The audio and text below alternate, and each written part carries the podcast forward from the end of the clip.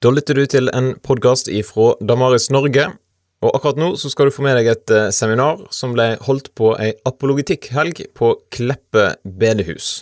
Der holder Fokus hverdagsmenighet til, og de inviterte Damaris Norge til å komme og ha ei helg fullstappa av gode seminar og apologitikkundervisning. Dersom din forsamling skulle arrangert ei apologetikkhelg eller et seminar, så er du velkommen til å ta kontakt på post.damaris.no.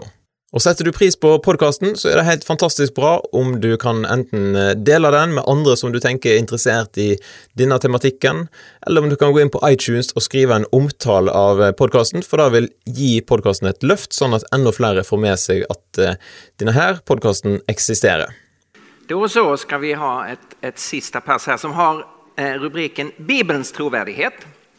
Och Bibeln är ju ett eh, väldigt omfattande bokverk, 66 eh, böcker tillkomna under en tidsperiod av eh, tusen år, 40 olika författare. Och det är klart det går att säga någonting allmänt om, om Bibelns trovärdighet. Men om man ska göra det lite mer seriöst så behöver man nästan smalna in det för att kunna eh, visa lite ordentligare vad det är som står på spel här. Och därför så kommer jag inte tala om hela Bibelns trovärdighet utan om evangeliernas trovärdighet eftersom det relaterar också så tydligt till det som vi har talat om när det gäller det unika med Jesus. Eh, den presentationen som jag gjorde här tidigare om det unika med Jesus, den bygger ju på en tilltro till evangeliets material. Att vi faktiskt får en rimligt sann bild av Jesus genom de här texterna. Och därför är det naturligt att vi, vi ställer den frågan, kan vi verkligen lita på evangelierna? Och jag skulle vilja göra den här presentationen på ett, eh, ett litet speciellt sätt.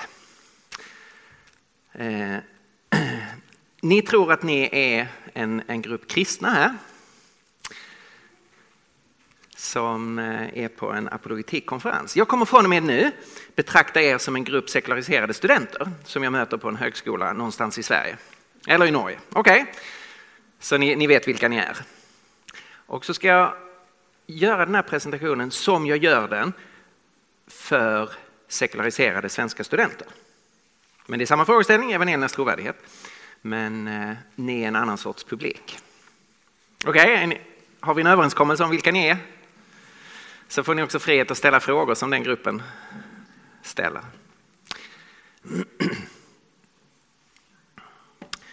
Och då skulle jag säga så här. Vad roligt att ni har kommit till den här eh, lunchföreläsningen. Där mitt syfte är att utmana er att sätta er i kontakt med en enskild person från antiken. Jag vet att det här låter helt knäppt, för vi är ju inte alls intresserade av enskilda personer från antiken och, och helt riktigt så. De som levde för 2000 år sedan, de har ingen som helst betydelse för våra liv idag. Vad de gjorde, vad de sa, vad som hände med dem. Varför ska vi intressera oss för en person som levde i antiken? Ja, jag förstår invändningen. Och jag känner ju så också med de allra flesta gestalter som levde i antiken. Men det här handlar om en person som skiljer ut sig på ett radikalt sätt. Det är nämligen så här att ni som sekulariserade svenskar kan inte förstå ert eget liv om ni inte förstår den här enskilda personen från antiken. Och jag talar förstås om Jesus från Nasaret. För han är nämligen den individ som har påverkat historien mer än någon annan människa som har levt hittills. Och varenda en av er trampar omkring i svallvågorna av hans liv. Fast de flesta av er tänker inte på det. Att ert vardagliga liv är präglat av den här personen. Men tänk efter.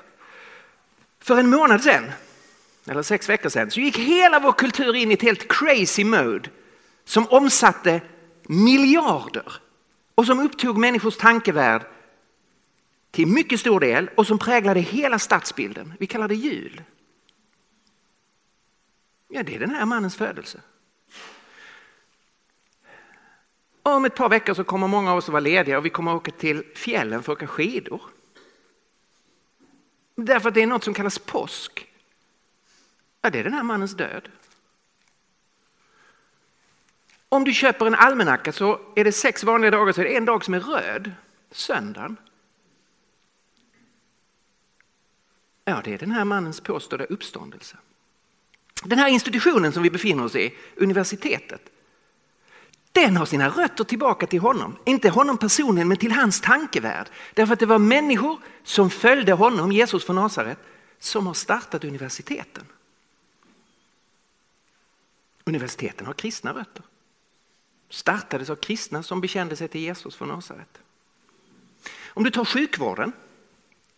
Detta att vi bryr oss om de sjuka och svaga och lidande, det, det är inget som är typiskt för alla kulturer.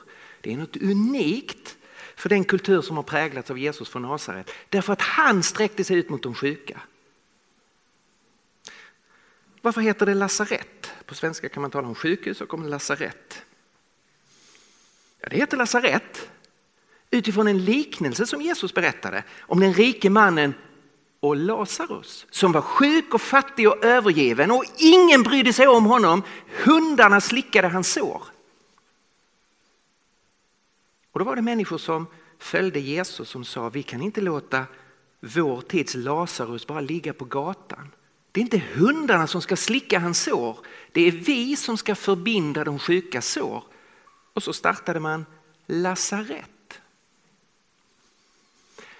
Varför heter vi sånt som vi heter i Vikingaland? Varför heter vi Maria och Anna och Petrus och Johan och Stefanos? Och... Det är inga vikinganamn. Vi heter ju det därför att den här mannens vänner och familj bar de namnen. Och jag kan fortsätta. Du kan inte vara en medveten person i Sverige eller Norge 2019 om du inte begriper dig på den här mannen. Så här är min utmaning. Du behöver läsa det historiska källmaterialet om Jesus från Nasaret. Om du vill vara en medveten person idag. Och jag står med källmaterialet här i mina händer. Det viktigaste källmaterialet det är de här fyra texterna. Matteus, Markus, Lukas och Johannes det som vi brukar kalla för de fyra evangelierna. Och min utmaning är att du ska läsa ett av evangelierna, åtminstone, och få en första kontakt med den här personen som dag för dag påverkar ditt liv 2019. Okej, okay. nu vet jag ju vad ni tänker, för jag har gett den här utmaningen till många studenter. Det som nu direkt reser sig i ert huvud, det är en mängd invändningar. Och innan jag går vidare måste jag därför bemöta de invändningarna. En hel del av er tänkte nu direkt, evangelierna, ja men det är ju Bibeln. Ja men kom igen, jag trodde du hade ett historiskt material. Jag vill inte läsa Bibeln, men ge mig en historisk källa om Jesus så kan jag läsa det. Mm, det är bra. Måste vi tänka efter här. De här fyra texterna, de är inte skrivna som Bibel. Det är fyra separata historiska texter om Jesus från Nasaret. Eftersom det är de bästa texterna om Jesus så samlades de senare efterhand ihop i ett bokverk som vi idag kallar för Bibeln. Men det var inte så de skrevs. Det här är precis som om du vill lära dig annat om antiken. Då måste du läsa Josefus, den judiska historieskrivaren. Det enklaste sättet att läsa Josefus är att köpa The Complete Works of Josefus. Någon har i efterhand samlat ihop hans skrifter och gett ut dem i ett band. Eller du behöver läsa Tacitus och Suetonius och Plutarkos, de romerska historieskrivarna. Det enklaste om du vill få tag på dem, det är att du köper något samlingsverk. Ancient Romans Primary Sources, där någon har samlat ihop de bästa källorna. De har ju inte förlorat sitt källvärde för att någon har samlat ihop dem i ett bokverk. Precis så här är det med evangelierna. Det är fyra separata historiska källor om Jesus från Nasaret. Det enklaste sättet att komma åt dem är att köpa ett Nya Testamente som jag har här. Där man har samlat ihop ett antal av de tidigaste och äldsta skrifterna. Ja, men, ja, men evangelier de är väl religiösa? Det är en massa Gud och under och tecken och änglar och grejer. Det är väl inte historiskt material? Jag är inte intresserad av religion. Ge mig historiskt material så ska jag läsa det. Mm. Bra invändning. Nu måste vi tänka efter. Hur tror ni historiska källor fram till och med upplysningen ser ut? Josefus var jude och trodde på Gud. Han skriver och har religiösa inslag i sin text. Tacitus refererar till gudarna, Svetonius refererar till gudarna. Allt historiskt källmaterial fram till upplysningen refererar till Gud eller gudarna eller det gudomliga eller ödet, det, det övernaturliga. För man var övertygad om det övernaturliga.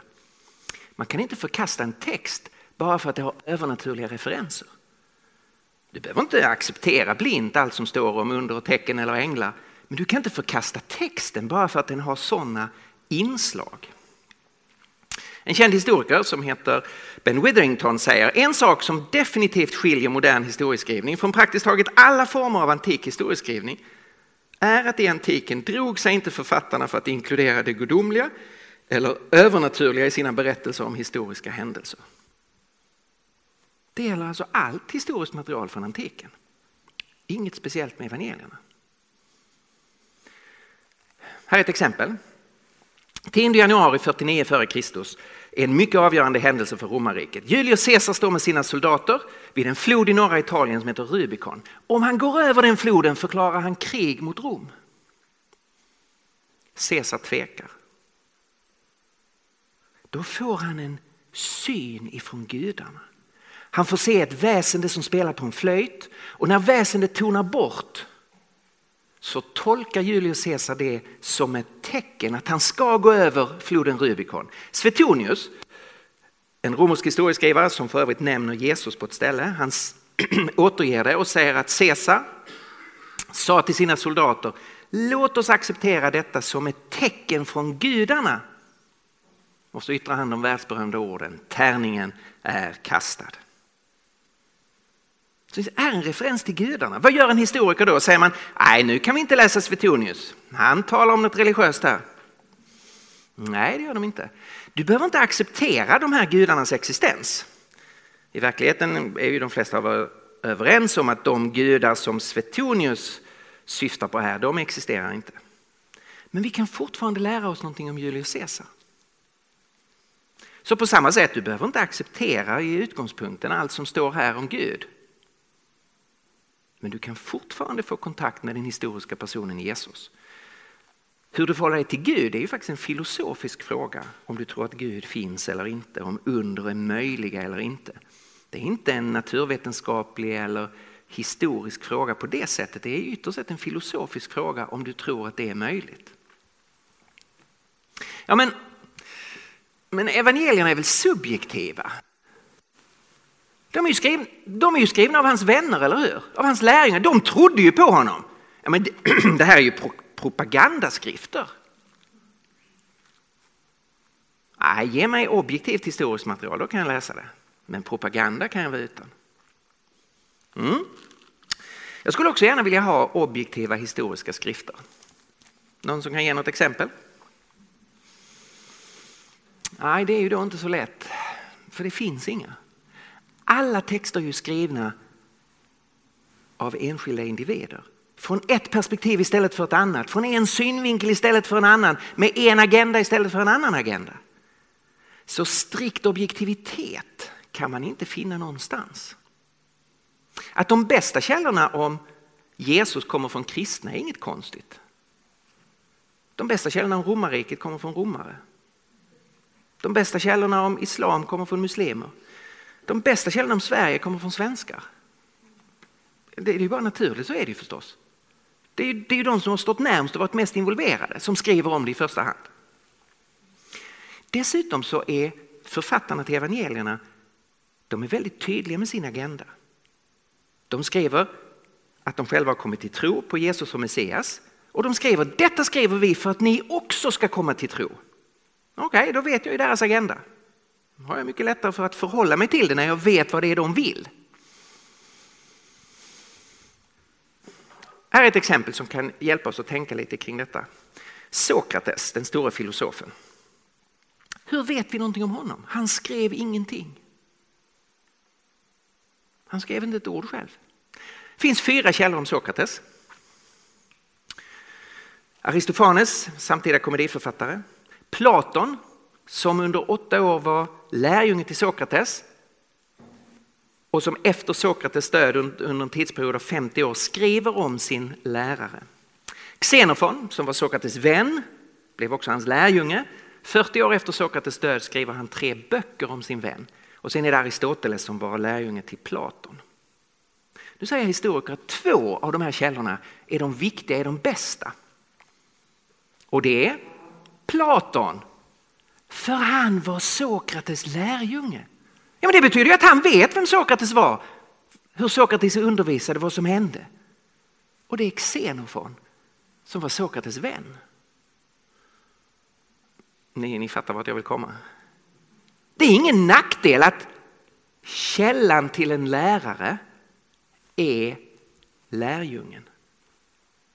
Därför att det, i så fall är det ju en person som faktiskt vet vad han eller hon talar om. Så här är det ju om någon av er bestämmer er för att skriva en biografi. Personen har just dött, du vill skriva en biografi över, över personen. Då vill du ju hemskt gärna komma i kontakt med personens familj, föräldrar, fru eller man, barn, arbetskamrater, vänner.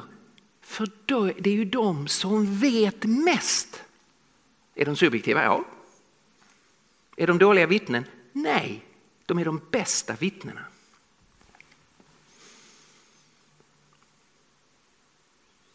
Ja, men, nu kommer en invändning som de flesta av er inte riktigt förstår, men den kommer från några av er som har läst teologi eller som har en vän som har läst teologi eller om ni kanske har läst en bok av Jonas Gardell. Alltså, är inte evangelierna, det är väl inte riktigt historiskt material. Det är väl någon sorts trosdokument som inte beskriver historia utan som beskriver de kristnas tro. Den tidigare förrförre eller förrförre förre ärkebiskopen i Sverige, KG Hammar, han tänkte så. Evangelierna är till sin karaktär trosdokument. Därmed vittnar de i första hand om den tro som fanns i de första kristna församlingarna, inte om den historiska Jesus. Det här var en tankegång som från 1800-talet och stora delen av 1900-talet präglade akademisk Jesusforskning. Man kallar det för formkritik, det är en teknisk term. Och själva idén här var att i evangelierna så möter vi hur man förkunnade på 70, 80, 90-talet i de kristna församlingarna. Och det ger oss en bild av vad de kristna trodde på 70, 80, 90-talet. Inte om vad som hände på 30-talet i Jerusalem och i Judeen och i Galileen. Så vi kommer liksom inte ända tillbaka till den verklige Jesus. Vi kommer bara tillbaka till en tidig punkt i kyrkans historia. Men här har de sista decennierna den akademiska forskningen helt vänt. Och det har skett genom en eh, forskare som heter Richard Burridge och hans forskning som är publicerad bland annat i boken What are the Gospels? A comparison with Greco-Roman biography. Vad är evangelierna? En jämförelse med grekisk-romersk biografi. Och han har helt övertygande visat att evangelierna är inte trosdokument utan biografier som vill återge de verkliga händelserna och den verkliga historiska personen på 30-talet i Jerusalem, i Judeen, i Galileen. Och det har idag vänt hela forskningen.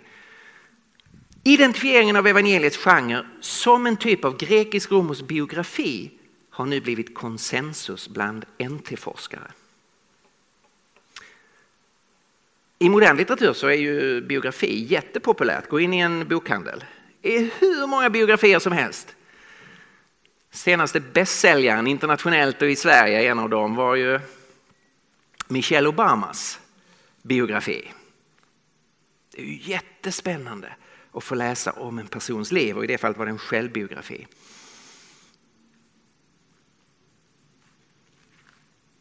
Det här övertrumpar faktiskt Michelle Obama.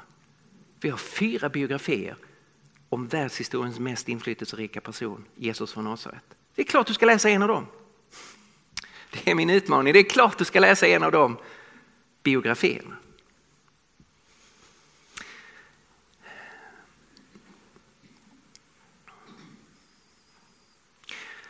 Då har jag försökt möta några av invändningarna mot evangelierna. Min utgångspunkt har hela tiden, och det hoppas jag att ni har märkt, har varit att jag kräver ingen speciellt, speciell inställning till evangelierna. Bara att de ska läsas som man läser annat material från antiken.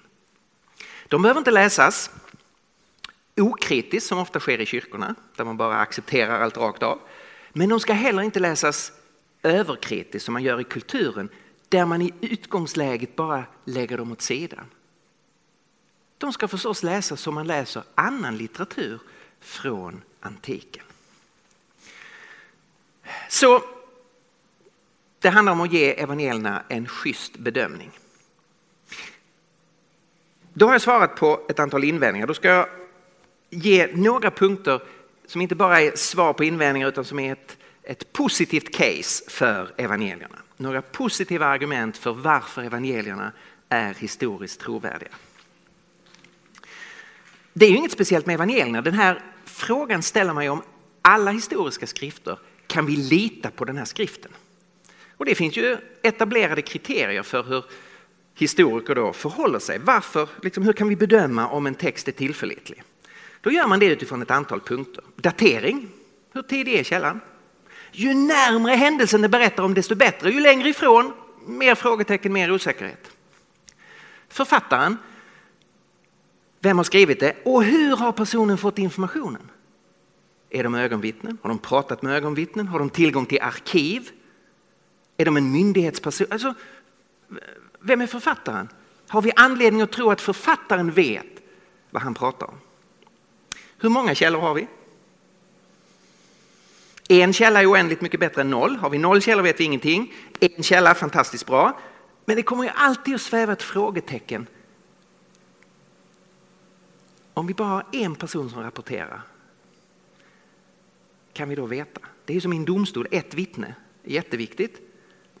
Men om det finns mer än ett och de bekräftar varandra, då blir ju läget helt annorlunda. Så ju fler källor, framförallt om du går från en källa till att ha två, så förändras ju läget. Och sen bekräftelser, hur väl passar informationen in i sådant som vi redan tror oss eh, ha kunskap om. Låt oss bara kort titta på de här fyra punkterna när det gäller evangelierna. Evangelierna är källor från första århundradet. Vi kan inte datera dem exakt, men man är överens om att före århundra skrevs de fyra evangelierna. Det innebär faktiskt att de är mycket tidiga källor. För många händelser i antiken så är avståndet mellan händelse och den äldsta texten är mycket stort. För evangelierna så är avståndet mellan 30 och 60 år. Om man utgår från standarddateringen, att Markus skriver på 60-talet har det gått ungefär 30 år sedan Jesu verksamhet. Och Johannes skriver på 90-talet så då blir det 60 år. För antika källor så kan tidsavståndet ofta vara 100 år eller mer. Den bästa källan om Alexander den store, där är tidsavståndet 400 år. För mycket information om romerska kejsare så är det 100 år eller mer. För några kejsare så är, kommer det från samtida historiker så det är ännu bättre än evangelierna. Men att ha tidsavstånd på 30 år är mycket bra när det gäller datering. Dessutom finns det en del argument för att evangelierna faktiskt är skrivna ännu tidigare. Och trenden är att man faktiskt lägger det ännu tidigare. Författarna, de var personer samtida med Jesus. Två av författarna är ögonvittnen. Matteus som var en av Jesu lärjungar och Johannes som var en av Jesu lärjungar. Det är alltså bästa sortens vittnen. De har själv vandrat med Jesus, själv sett och hört det de återberättar. Två av författarna är själva inte ögonvittnen, Markus och Lukas, men de har fått sin information från ögonvittnen. Markus var Petrus tolk och eh, skriver ner Petrus berättelse om Jesus efter Petrus har dött. Han har lyssnat till den många gånger, han har tolkat när Petrus har talat och han skriver ner Petrus berättelse. Och Lukas börjar ju sitt evangelium med att berätta att han har intervjuat ögonvittnen. Han har mycket noggrant undersökt detta ända från början. Och han intygar att informationen han ger är riktig. Han har, han har fört vidare det som, eh, det som har berättats av de som från första stund var ögonvittnen. Vi vet ju att Lukas reste med Paulus. Det finns ju några avsnitt i Apostlagärningarna där Lukas inte bara berättar vad Paulus gjorde utan plötsligt är det vi.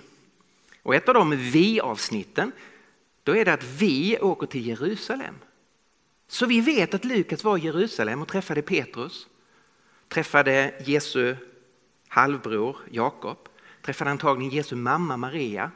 Det är antagligen bakgrunden varför Lukas evangeliet kan berätta ganska ingående om eh, födelsen, bebådelsen och födelsen. Så de har intervjuat ögonvittnen. När det gäller antal så kallas detta bland historiker, det är frågan om man har flerfaldig attestering, flerfaldig bekräftelse. Finns det mer än en källa? Jesus som person är omnämnd i många källor. Josefus, Tacitus, Svetonius, fyra evangelierna, Paulus. Och när det gäller den utförliga beskrivningen av hans liv så har vi fyra källor.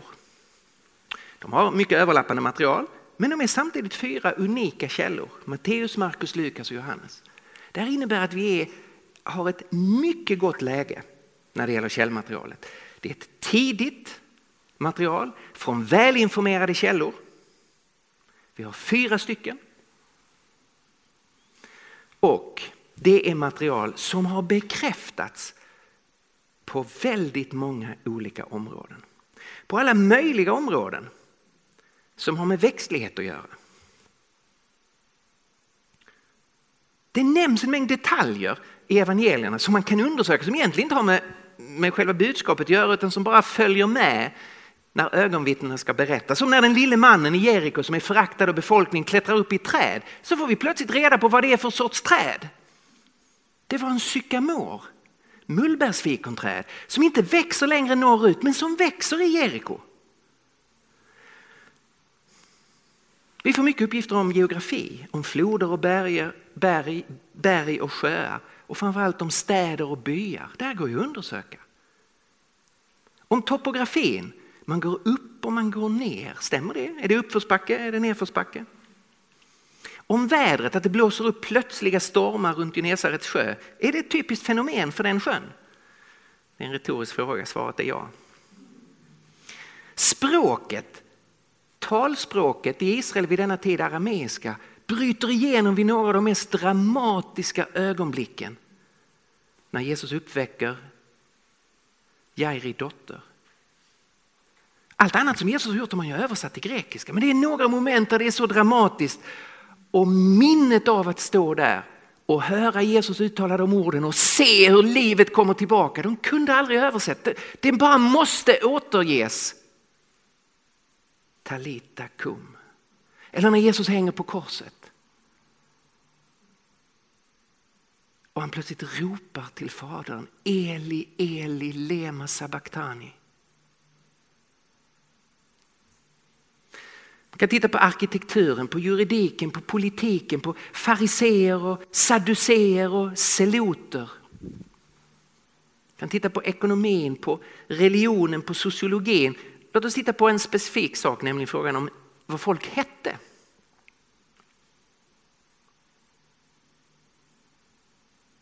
För eh, ungefär 20 år sedan så publicerade en forskare i Berlin, professor i judisk historia, hon, pro, hon publicerade en sammanställning av namn, vad judar bar för namn under tiden, en viss tid före Jesu födelse till en viss tid efter. Vad hette judar? Vad hette de som bodde eh, i diasporan utanför Israel och vad hette judar i Israel?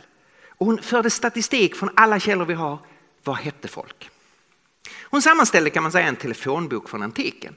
Plötsligt fick forskarna tillgång till statistik. Vad var vanliga, vad var ovanliga namn? Den här nya kunskapen började sedan bearbetas av Richard Bauckham, professor i Nya Testamentet. Och som började jämföra den här namnstatistiken, hur stämmer den med evangelierna? Och plötsligt upptäcker man en mängd intressanta saker. Ni vet i, våra länder så är det, ju, det är väldigt populärt och, man får namnstatistik. Vad var det vanligaste namnet 2017, 2018? Och I Sverige så är eh, Alice och eh, William är fortfarande väldigt populära pojk och flicknamn. Och det där varierar ju lite över tid, eller hur? Vi vet ju också att om någon har ett ovanligt namn så, så kan man ju bli känd för hela befolkningen med ett förnamn. Så här är en, en person som alla i Sverige vet direkt om du bara säger förnamnet. Carola. Behövs ingenting mer, alla vet vem det är, för det är ett ovanligt namn. Om du heter Göran i förnamn eller om du heter Persson i efternamn. Jättevanliga namn. Massor med män i Sverige heter Göran Persson. Så du kan inte säga så här Göran och så vet någon vem det är. Och du kan faktiskt inte heller bara säga Persson så vet någon vem det är. Inte ens om personen har varit statsminister i Sverige. Då måste du ha med båda namnen. Om man säger Göran Persson, då tänker folk på vår tidigare statsminister Göran Persson. Då liksom. Men det räcker inte bara med förnamnet. Carola klarar vi förnamnet för det är så ovanligt, men Göran, då måste du säga Göran Persson. Okej, okay, ja, då vet vi lite hur det funkar med namn.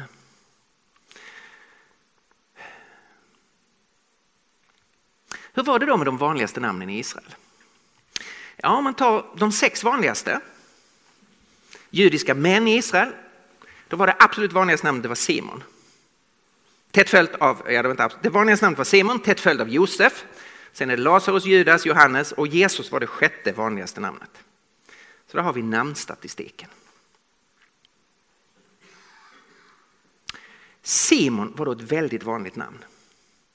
Jag har varit, eh, varit i lärare i väldigt många olika klasser. Så om man har en i ett klassrum, i en klass, och så finns det mer, Eh, så finns det mer än en person som har ett visst namn. Vad händer då direkt? Ja, det som händer är att man måste ha ett smeknamn. Det händer i alla klasser om det är två personer med samma namn. Man måste kunna skilja de där två åt. Nu är det intressant, om man tittar på Simon, det vanligaste namnet i Israel, så finns det en massa Simon. Och vad händer med alla som heter Simon? De får ett smeknamn varenda en. Simon, alltså den Simon som kallas Petrus. Simon, alltså Kananaios. Simon, alltså den spetälske. Simon, alltså han som är från Kyrene. Simon, alltså han som kallas Seloten, det är hans politiska övertygelse, vi ska störta Rom med våld. Du kan inte säga Simon och förvänta dig att folk vet vem det är, precis som du i Sverige inte kan säga Göran och förvänta dig att folk vet vem du syftar på. Du måste ha en bestämning. Det här har ju vi inte fattat innan. Varför har just de som heter Simon, alla som heter Simon har en bestämning? Nu plötsligt faller bitarna på plats. Det var det vanligaste namnet i Israel. Det är meningslöst att säga Simon. Du måste tala om vilken Simon du talar om. Om man tittar på Jesu lärjungar när han utser de tolv så upptäcker man något intressant. Här har ni de 12. Efter varje namn står en siffra. Det är vilken plats det namnet finns på 99-listan. Om det inte står något, någon siffra så är det ett väldigt ovanligt namn. Simon, vanligaste namnet i Israel, han som kallades Petrus. Vidare hans bror Andreas, ovanligt namn, inget smeknamn. Jakob, vanligt namn, plats nummer 11. Alltså han som var Sebedaios son och hans bror Johannes, plats nummer 5. Så behöver man inte upprepa en gång till att det var Sebedaios son. Filippos, ovanligt namn, inget smeknamn. Bartolomaios, plats 50, ovanligt namn, inget smeknamn. Thomas, inte ens på 99-listan, inget smeknamn. Och Matteus, vanligt namn i Israel, plats nummer 9, alltså han som är tullindrivare. Jakob, vanligt namn i Israel, plats nummer 11, alltså Alfaios son. Och Tadaios, ovanligt namn i Israel, plats 39, inget smeknamn. Simon, vanligaste namnet i Israel, alltså Kananaios.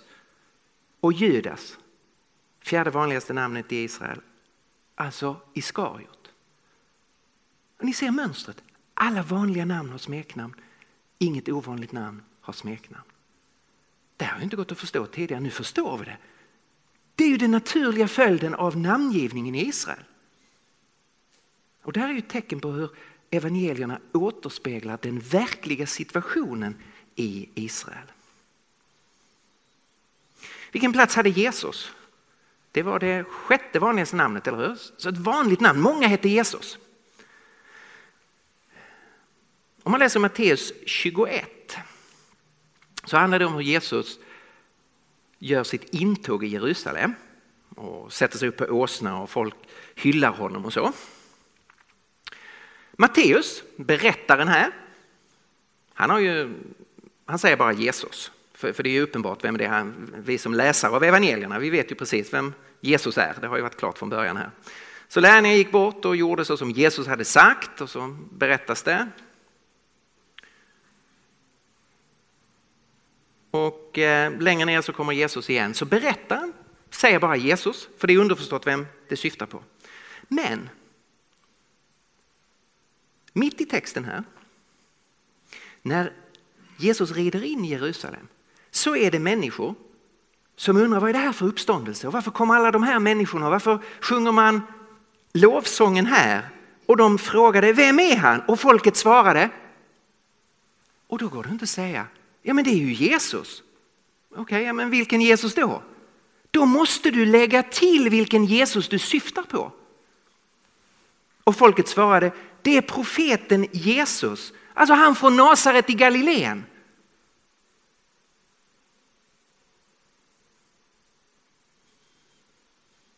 När Jesus står inför Pilatus så det är uppenbart det när berättaren berättar så behöver han inte säga identifiera vilken Jesus som åsyftas.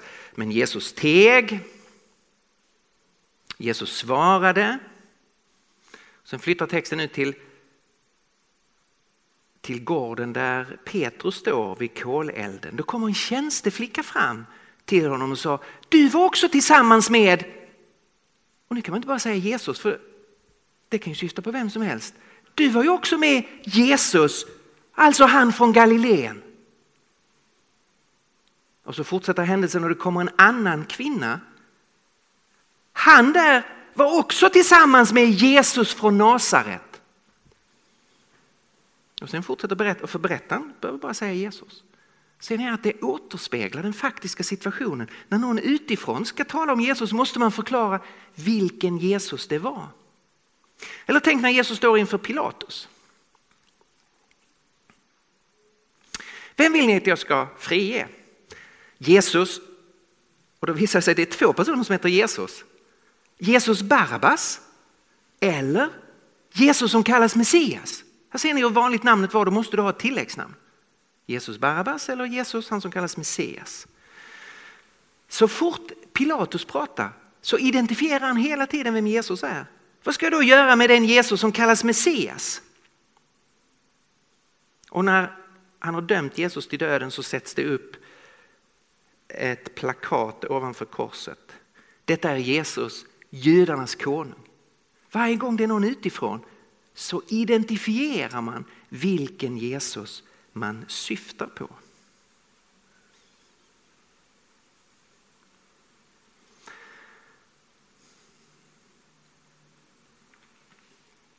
Låt mig ta en sista sak.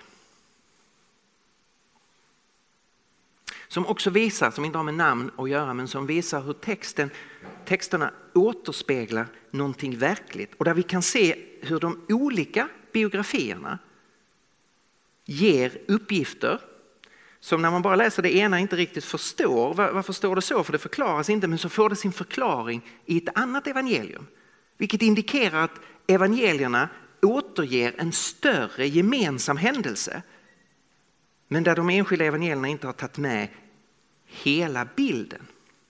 Brödundret är det enda under som finns i alla evangelierna. Alla fyra evangelierna berättar om när Jesus mättar 5000. Konstigt kan man ju tycka, varför just det, varför just det undret? Jag tror det har att göra med att det var det mest omvittnade av undren. 5000 män och kvinnor och barn. Det kan ha varit upp till 10 000 personer som såg Jesus göra detta. Därför väljer alla evangelierna att ta med det. För det kan ingen förneka. Det finns vittnen överallt som var med den eftermiddagen. När vi läser hos Markus om brödundret så står det så här. Det var så många som kom och gick att de inte ens fick tid att äta. Därför ska de dra sig undan och söka, det här är inledningen till brödundret, därför ska de dra sig undan till en mer ödslig plats.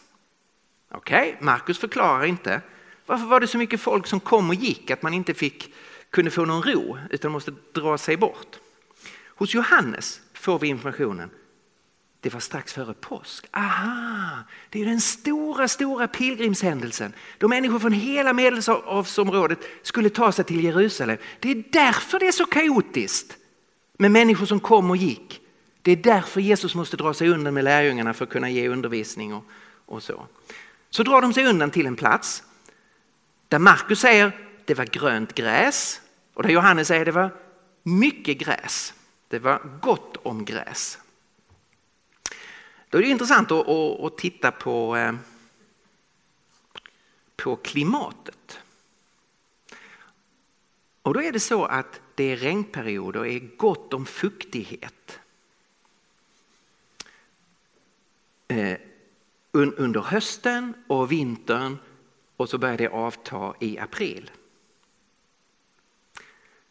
Påsken infaller eh, i slutet av mars, eller i tiden slutet av mars till slutet av april under den tid då det här är aktuellt. Alltså precis under den tid då gräset är som allra grönast och frodigast eftersom det har varit en lång period av regn och fukt och sen inleder det nu eh, en torrare period. Ja, det stämmer precis att det är mycket grönt gräs i samband med påsken. De drar sig undan, tusentals människor följer med. Det uppstår en situation här ska, folk börjar bli hungriga, var ska de hitta mat? Och enligt Johannes så frågar Jesus Filippos, var ska vi köpa bröd så att alla dessa får något att äta? Vi får ingen förklaring till varför han frågar Filippos. Det enda vi vet om Filippos från Johannes evangeliet är att den lärjungen var från Betsaida. Men hos Lukas så får vi reda på att den platsen de hade dragit sig undan till det var just Betsaida. Han tog dem med sig och drog sig undan till en stad som hette Betsaida. Det är därför Jesus frågar Filippos, för han har lokalkännedom. Han känner alla bönderna, han vet vem som säljer bröd. Så Filippos, var kan vi få tag på mat? Och Filippos får svara, det finns ju ingen som kan sälja så här mycket bröd på kort varsel. Eh, men det är ändå naturligt att han frågar Filippos och inte de andra. Alltså när man börjar läsa evangelierna här så, så ser man att det här, det här verkar ju relatera till verkligheten. Om ni vill läsa mer om det här så ska ni läsa, eh, om ni läser på engelska, eh, Pete Williams bok Can we trust the Gospels? Och han skriver den boken just om, om den här texten om brödundret. Så i denna berättelse förklarar Johannes de många som reser i Markus och Lukas förklarar dialogen hos Johannes. Även den lilla detaljen hos Johannes att pojken kommer med kornbröd stämmer med närheten till påsken, vilken följde direkt efter kornskörden. Okej, okay, jag har gett ett antal exempel. Allt det här handlar om att uppgifterna i evangelierna bekräftas. Så, du har inte ett enda gott argument att inte läsa evangelierna. Det är det jag vill komma fram till. Det är klart du ska läsa ett av evangelierna. Läs det kortaste Markus. Du läser det på under tre timmar. Eller läs Johannes, det tar dig en timme till. Lite mer djupsinnigt, lite mer utläggande av betydelsen. Men det är klart att du ska läsa ett av evangelierna. Historiskt finns det ingen som helst anledning att underkänna den grundläggande informationen som vi har i de fyra evangelierna.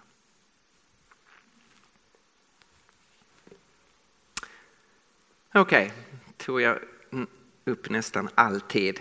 Vill du läsa mer och vill läsa på norska så ska du läsa eh, Skeptikerns guide till Jesus del 1 om evangeliernas historiska trovärdighet. Det finns eh, mycket mer material kring de här frågorna eh, än det som jag har gått igenom nu. Så eh, Skeptikerns guide till Jesus del 1. Har vi tid till en fråga? Okej, okay. får ni en chans om det finns någon reaktion eller fråga?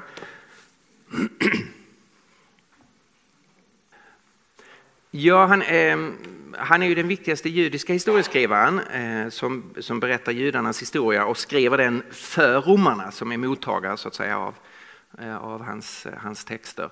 Josefus nämner Jesus på två ställen. Det är ganska kortfattat, så det är inte eh, så mycket information, men eh, han nämner eh, Jesus, han nämner Johannes döparen, han nämner Jesu bror Jakob eh, och han nämner Jesu eh, Eh, förstås Jesu existens och, och eh, Jesu död under Pontius Pilatus när Tiberius var, eh, var, var kejsare. Och han skriver om att Jesus gjorde förunderliga gärningar. Och det var det jag syftade på. Alltså han berättar om Jesus som, som framträder, hur Jesus samlar mycket folk, att Jesus gjorde förunderliga gärningar. Och det syftar ju på, eh, på eh, underverken. Så vi får inte reda på mer, mer än att eh, det var den allmänna bilden, alltså att Jesus också var en undergörare. Eh, och det stämmer ju väl med vad vi vet från evangelierna där ingen förnekar att Jesus gör under. Utan kritikerna tvingas ju till det här mycket konstiga att säga jo visst det sker under men det sker med djävulens kraft. Men, för det är helt omöjligt att förneka att undren sker. Alla ser ju att de sjuka blir friska. Så de får bara hitta på en annan förklaring. Och, och Josefus eh, för det vidare. Att det är vad man säger om Jesus, han gjorde förunderliga gärningar. Så det är, det är lilla korta informationen men den är ändå intressant, ändå viktig eh, att eh, den finns med.